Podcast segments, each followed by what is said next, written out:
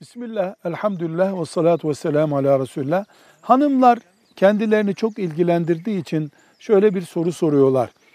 Özel günlerde yani aybaşı günlerinde diş dolgu tedavisi yaptırsak veya diğer diş iş- dişle ilgili tedavileri yaptırsak caiz midir diye soruluyor.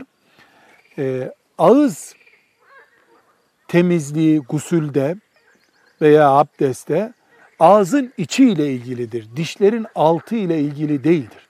Dolayısıyla gusül açısından bir sorun oluşmayacağından özel günlerinde hanımlar e, diş tedavisi yaptırabilirler. İçleri rahat etmesi için bunu diğer günlerine taşısalar daha iyi olur mu denirse bir sakıncası yok.